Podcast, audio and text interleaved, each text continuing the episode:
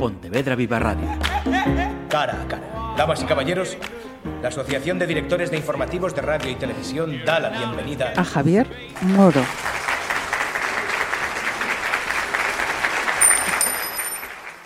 En un recorrido por los lugares más exclusivos de Caracas, rápidamente se hace evidente el exhibicionismo de las nuevas fortunas de muchos de los altos funcionarios del chavismo. Mariana Atencio de Univisión Investiga nos muestra algunos de los pecados de la revolución bolivariana.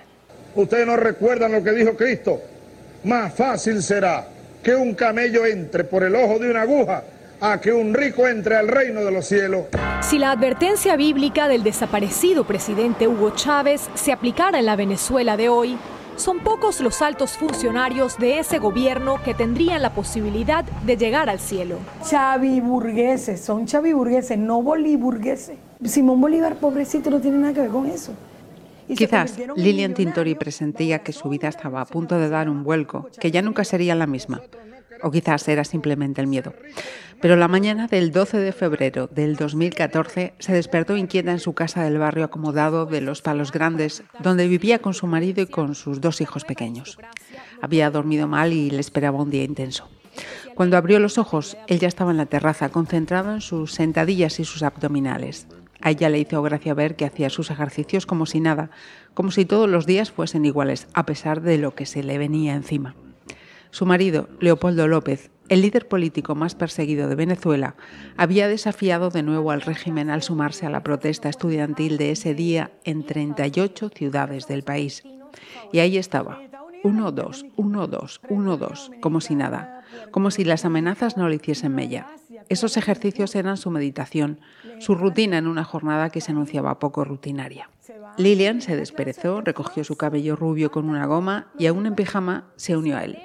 Para una deportista de fondo, capaz de correr maratones de 42 kilómetros o ganar un campeonato de kitesurf, hacer ejercicio nada más levantarse era una necesidad, más aún después de una mala noche. No solo ayudaba a mantenerse en forma, también relajaba la mente. Y si era con su marido, mejor. Llevaba siete años casada y estaba más enamorada que nunca. Esa mañana terminaron saltando a la comba. Él era un gran aficionado al boxeo, hasta que, chorreando de sudor y entre risas, les interrumpió el timbre de la puerta de entrada. Era Carlos Vecchio, el segundo de Voluntad Popular, el partido que fundaron en 2009. Como buen descendiente de italianos, disfrutaba del café que Lilian, otra hija de italiano, le preparaba a su gusto. Inteligente y jocoso, fino estratega, era un magnífico imitador capaz de hacer reír a carcajadas a los que le rodeaban, aunque hacía tiempo que el ambiente no permitía relajarse, y ese 12 de febrero su mirada grave dejaba traslucir su preocupación. Pronto llegaron los demás. Más que compañeros eran amigos, como Alberto Losada, un abogado jovial y enérgico responsable de las juventudes del partido. Esa mañana venían a reunirse para coordinar la estrategia de la jornada. La reivindicación principal de las manifestaciones que habían convocado consistía en reclamar a la fiscal general la liberación de unos estudiantes detenidos en las protestas del mes anterior. Ese era el pretexto. Pero barruntaban que la gente estaba dispuesta a salir a la calle para protestar contra el desabastecimiento de bienes esenciales que alcanzaba ya a la sanidad, o contra la inflación y la creciente pobreza, o contra la impunidad de los colectivos esas bandas paramilitares que formaban parte de la estructura del gobierno, o contra el robo de 25.000 millones de dólares perpetrado por los jerarcas del régimen, como había denunciado Leopoldo en el vídeo que grabó para la convocatoria. Todos sabían que la opinión pública estaba especialmente irritada por el fraude electoral que en la última convocatoria aupó a Nicolás Maduro, el heredero de Hugo Chávez, a la presidencia. Ahora buscaban capitalizar ese descontento para acabar con el régimen. Lilian pasaba tanto tiempo con los compañeros de Voluntad Popular que los consideraba una extensión de su propia familia. Se sentía muy unida a Lara Ortiz, el brazo derecho de Leopoldo, una joven odontóloga reconvertida en la lucha política. Alta, corpulenta y sonriente, llevaba gafas de pasta que agrandaban sus ojos negros y brillantes. La mujer que más tiempo pasa con mi marido, le dijo al abrazarla. Se rieron. No era un tema de celos. Lara, que hacía labores de secretaria y coordinadora, se había hecho amiga de la familia. Quería mucho a los niños, por lo que obligaba a Leopoldo a pasar un cierto número de horas con ellos, y Lilian se lo agradecía de corazón. Además de ser inteligente y leal, tenía otra cualidad que para otros podía ser un defecto. pero que era de capital importancia en la vida del matrimonio López. Era desconfiada, y eso la hacía especialmente valiosa en cuestiones de seguridad personal. También Leopoldo valoraba su habilidad para poner en práctica las ideas que surgían como fuegos artificiales en las reuniones. La era práctica, rápida y organizada, siempre con su libreta Moleskine a mano. Tenía una capacidad especial para convertir las ideas en hechos. Lilian preparó un termo de café y, según su costumbre, salió primero a la calle a ofrecer una taza a los escoltas, encargados del primer nivel de seguridad. Pasaban tantas horas juntos que también eran como de la familia. El responsable de giras del partido se llamaba Julio Betania y desplegaba un mapa de Venezuela en la mesa cuando Lilian se le acercó con el termo. Era un hombre corpulento, con algún resto de picadura de viruela en la cara y los ojos achinados. Conocido como Pegaso, la contraseña que utilizaba para comunicarse era una pieza clave en el aparato de seguridad. No te olvides que te he pedido unos días en Semana Santa para que los niños puedan ir de vacaciones con su papá. A Lilian no le gustaba tener que pedir algo que consideraba un derecho, pero Pegaso no pensaba en la familia, solo en el partido. Todavía falta mucho, Lilian, a saber dónde estaremos en Semana Santa. Pegaso intentaba complacerla, pero no siempre era posible. Él veía que proteger las vidas de los líderes, cada vez más amenazados, exigía sacrificios y cada cual tenía que asumir los suyos. Antiguo jefe de seguridad de una empresa petrolera, Leopoldo lo conoció cuando se disponía a hacer campaña a las elecciones a alcalde de Caracas. Si algún día vamos a gobernar este país, le dijo Leopoldo cuando se sumó a su causa, tenemos que saber lo que hay debajo de la mesa. Ya sé lo que hay del otro lado, le contestó Pegaso. En efecto, resultó ser un buen conocedor de las tripas del Estado, de los servicios secretos y tenía contactos en la inteligencia militar. Aquello le confería una autoridad incontestable en temas de seguridad. Ahora le llevaba la agenda y le acompañaba en las giras. Lilian pensaba que mandaba demasiado sobre su marido y los choques eran inevitables. And he's in solitary confinement. He is in solitary confinement. Uh, we are about 300 meters away from, from Leopoldo's cell. Uh, can you communicate with him from here? Well, maybe I'll try to. I'll try to say hello to him. Have you done that before? Yes, I have. And he can hear you. And he can hear me. ¡Hola, Leo! ¡Hola, te vine a visitar hoy! ¡Por aquí! ¡Leo! ¿Estás ahí? ¡Leo! Tienes un mensaje para mis acompañantes.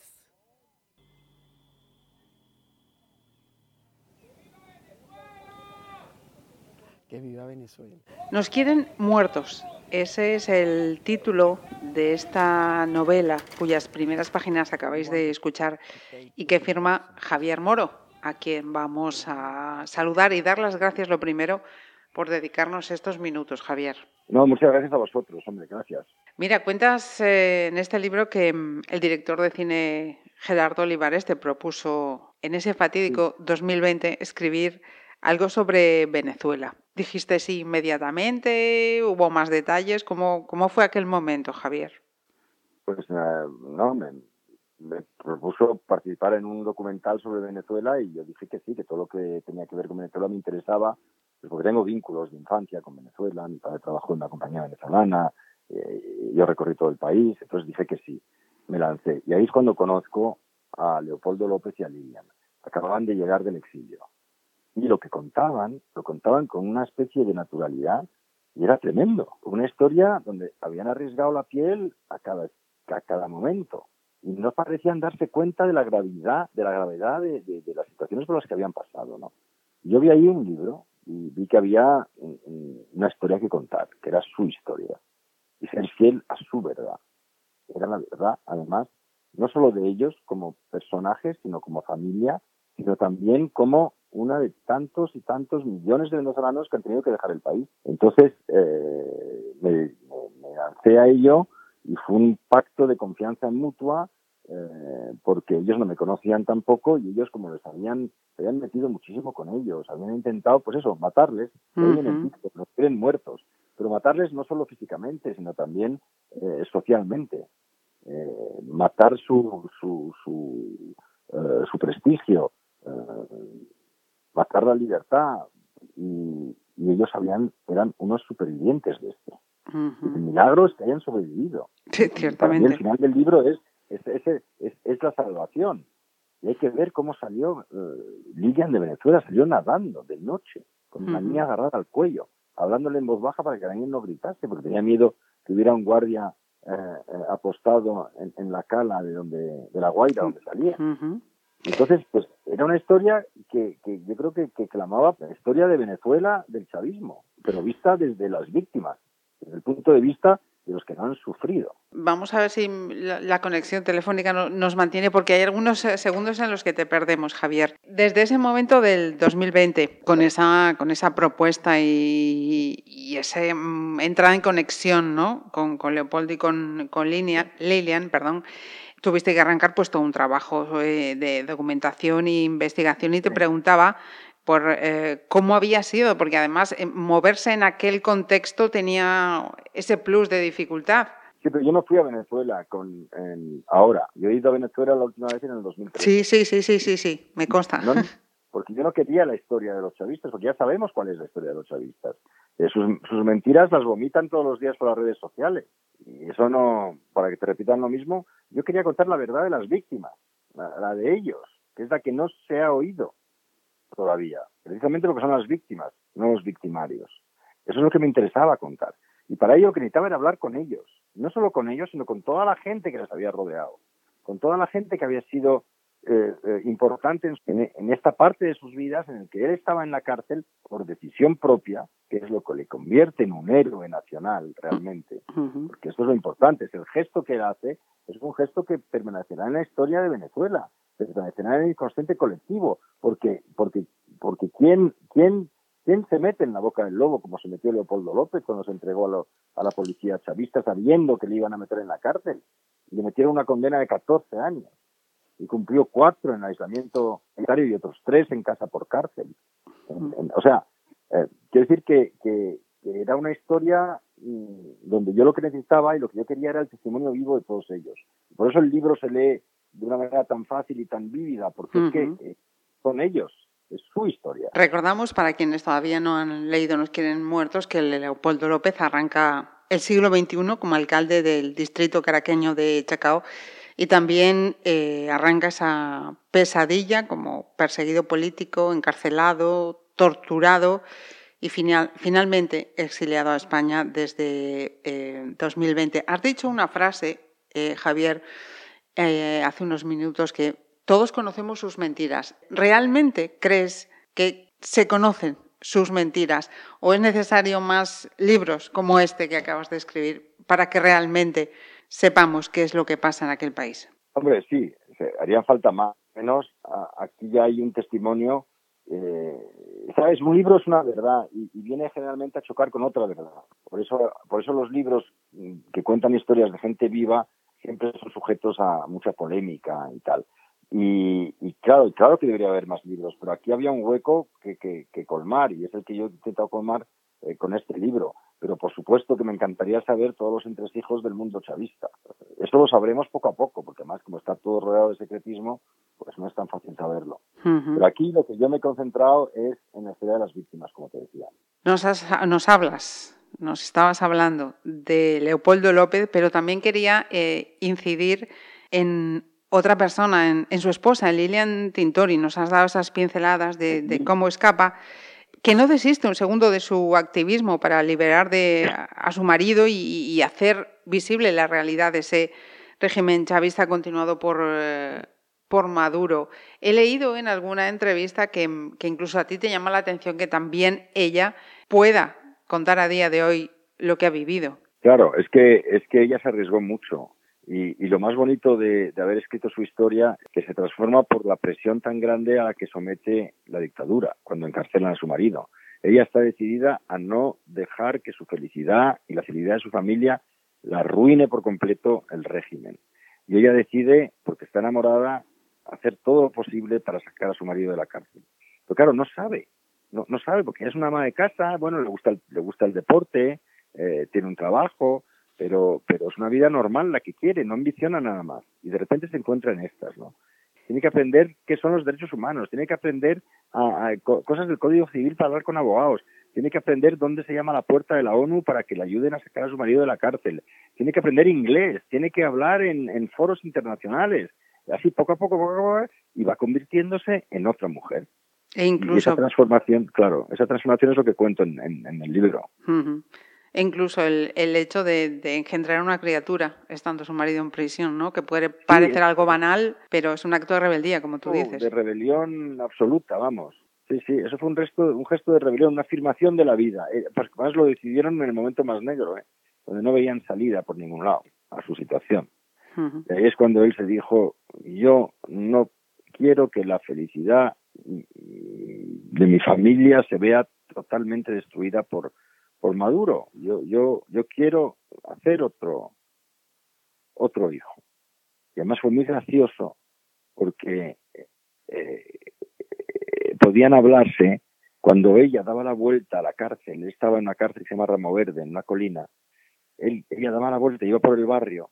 Y ahí a veces cuando gritaba Leopoldo, eh, él le devolvía ¿qué? Estoy aquí. Podían hablar hasta que las guardias se daban cuenta y o bien activaban la sirena o ya eh, cambiaban el Leopoldo de celda, ¿no? Pero pudo hablar así varias veces. Y una vez fue con el abogado Javier Cremades y con Alberto Ruiz Gallardón. Entrar a ver a Leopoldo, eh, Lilian los llevó por detrás, por el barrio. Entonces empezaron a llamarle, Leo, hay aquí amigos de España. Y Leo gritaba, ¡Viva la libertad! ¡Queremos elecciones libres! Gracias por vuestra visita y tal. Y, de repente, eso me lo contaba Javier Cremades, ¿no? De, de repente, Lilian, quiero tener muchos hijos contigo, quiero tener hijos contigo, le gritaba desde, desde arriba, desde la celda, ¿no? Y eso me lo contó, es una anécdota que me contaba eh, Cremadesa. Te quiero decir que hay, mucha, hay, yo, yo, no solo he entrevistado a la familia a fondo, sino que he entrevistado a todos los que se han cruzado con ellos en este, en este lento caminar hacia la libertad. ¿Y, cómo interpretas, Javier, la, la intervención que expresidentes del Gobierno de España como Rajoy, Zapatero o González tuvieron en este caso, la del actual o la del alto cargo de la Unión Europea, Borrell? No se puede comparar la actuación de González con la de Zapatero. Y se puede... Eh, ¿Qué más mencionabas? Rajoy, a Borrell... o, la de Rajoy con la de Zapatero, por ejemplo. Rajoy eh, tomó la decisión de recibir a Lilian en contra de sus consejeros y de sus ministros, que le decían no tenemos nada que ganar, porque tenemos muchísimos intereses en Venezuela. ¿Qué ganamos recibiendo a la esposa de un tío que está ahí en la cárcel? Nos puede traer problemas. Oye, y, Rajoy va y dice que no, que a mí ese tío me está insultando desde que me conoce, refiriéndose a Rajoy, a Maduro, y que qué menos que recibir a esta pobre mujer que está intentando sacar a su marido y la recibe. Y los otros hacen tanta presión que consiguen que la primera vez que se ven, él la reciba en, eh, en, eh, en, Génova. La segunda vez la recibe en Moncloa con todos los honores. Y gracias a eso, ella luego consigue ser recibida por eh, presidentes. Porque una vez que te recibe uno, ya tienes el, el, argumento para que te reciba otro. Oiga, si me ha recibido Rajoy en España, ¿cómo no me va a recibir eh, Hollande en Francia o Theresa May en Inglaterra. Y así poco a poco consiguió ser recibida hasta por Trump cuando era presidente y por Biden cuando era vicepresidente. Entonces cada uno tiene su... Zapatero fue otra cosa, Zapatero fue a proponerle de parte de, de, Maduro, de, los Rodríguez, a, a, proponerle la calle, de llamar a las manifestaciones, a cambio de la libertad por cárcel, de casa por cárcel, pero él no quería eso, Leopoldo porque sabía que le desactivaban políticamente. Por eso Leopoldo siempre desconfió de Zapatero. No lo vio como alguien imparcial, lo vio como alguien amigo del régimen que intentaba hacer algo, pero amigo del régimen. O sea, que cada uno ha tenido su, su posicionamiento. No se puede hablar de un conjunto, digamos, de políticos españoles que han actuado de la misma manera. No, generalmente la mayoría han sido muy, muy, muy afables y muy de defender los valores que, que defendía también Leopoldo, que son los valores de la democracia. Y ante los hechos que, relatas en este libro, eh, ¿has variado o has ratificado tu visión de la geopolítica? No, por supuesto que he variado. Con cada libro aprendes cosas. Y, aquí, pues, pues también he aprendido. He aprendido que lo de Venezuela nos toca mucho más de cerca de lo que pensamos. Porque Venezuela es solo un eslabón, ¿vale? Es un país perdido ahí en América. Eslabón de una cadena que nos tiene atenazados, a nosotros los europeos porque el régimen de Maduro se sostiene por la ayuda de Putin en todo lo militar, por la ayuda de Xi Jinping y de los chinos en todo lo que es la financiación, por la ayuda de los iraníes en todo lo que es el crudo, porque ahora son incapaces de producir su crudo, lo tienen que importar, por la ayuda de Cuba en todo lo que es seguridad y represión. Por eso se mantiene el régimen de Maduro. Es una cadena y, los aliados son los que están muertos, esos, a todos los demócratas, os lo aseguro. Eso es lo que me doy cuenta. ¿Puedes repetir esa frase, Javier, que se nos ha cortado? Que sí, que digo que, que, que, toda esa alianza de autocracias, de todos estos, Xi Jinping, Putin, el Ayatollah, todos estos nos quieren muertos, a nosotros, a todos los demócratas. Un libro muy, muy comprometido para ti, entiendo, Javier. Sí, bueno, pero oye, yo lo he hecho con, te diré que mi admiración por los López Tintori no ha dejado de crecer desde que he empezado a trabajar con ellos. ¿eh? No ha habido ningún momento en que me haya dicho, uy, estos personajes, no sé qué, uy, uy, una decepción. No, imposible. Son uh, como son, son como los he dibujado, son como los he escrito, son como los he pintado. Son, son realmente, eh, representan lo mejor de, de nuestros valores, refiriendo, ponemos a la libertad como un valor supremo y sobre todo el Estado de Derecho. Son gente que realmente va hasta el final de su compromiso. Y para mí ha sido un honor poder escribir su historia.